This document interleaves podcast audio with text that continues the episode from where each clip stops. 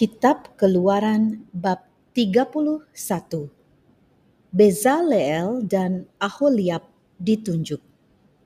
Berfirmanlah Tuhan kepada Musa, Lihat, telah kutunjuk Bezaleel bin Uri bin Hur dari suku Yehuda, dan telah kupenuhi dia dengan roh Allah, dengan keahlian dan pengertian dan pengetahuan dalam segala macam pekerjaan, untuk membuat berbagai rancangan supaya dikerjakan dari emas, perak, dan tembaga, untuk mengasah batu permata supaya ditatah, untuk mengukir kayu, dan untuk bekerja dalam segala macam pekerjaan.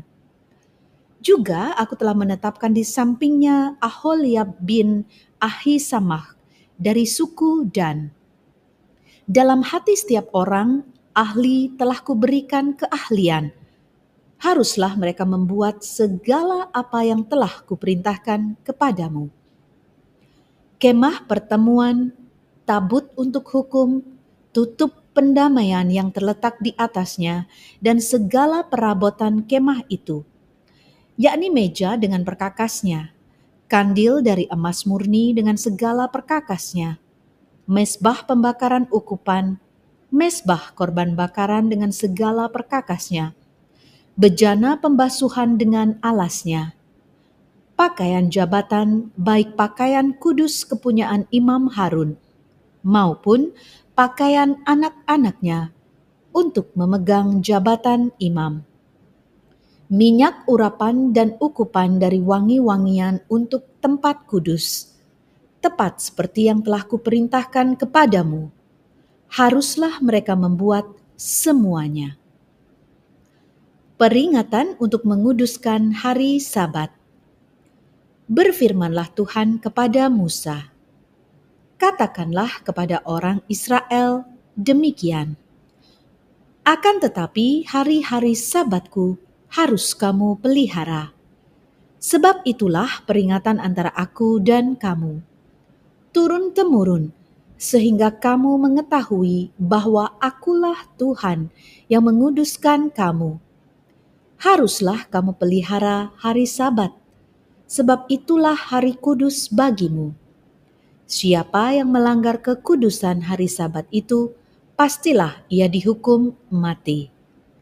Sebab setiap orang yang melakukan pekerjaan pada hari itu, orang itu harus dilenyapkan dari antara bangsanya. Enam hari lamanya boleh dilakukan pekerjaan, tetapi pada hari yang ketujuh haruslah ada Sabat, hari perhentian penuh, hari kudus bagi Tuhan. Setiap orang yang melakukan pekerjaan pada hari Sabat, pastilah ia dihukum mati. Maka haruslah orang Israel memelihara hari Sabat dengan merayakan Sabat turun-temurun menjadi perjanjian kekal antara aku dan orang Israel. Maka inilah suatu peringatan untuk selama-lamanya. Sebab enam hari lamanya Tuhan menjadikan langit dan bumi, dan pada hari yang ketujuh ia berhenti bekerja untuk beristirahat. Musa menerima kedua loh hukum. Dan Tuhan memberikan kepada Musa setelah ia selesai berbicara dengan dia di Gunung Sinai. Kedua loh hukum Allah, loh batu yang ditulisi oleh jari Allah.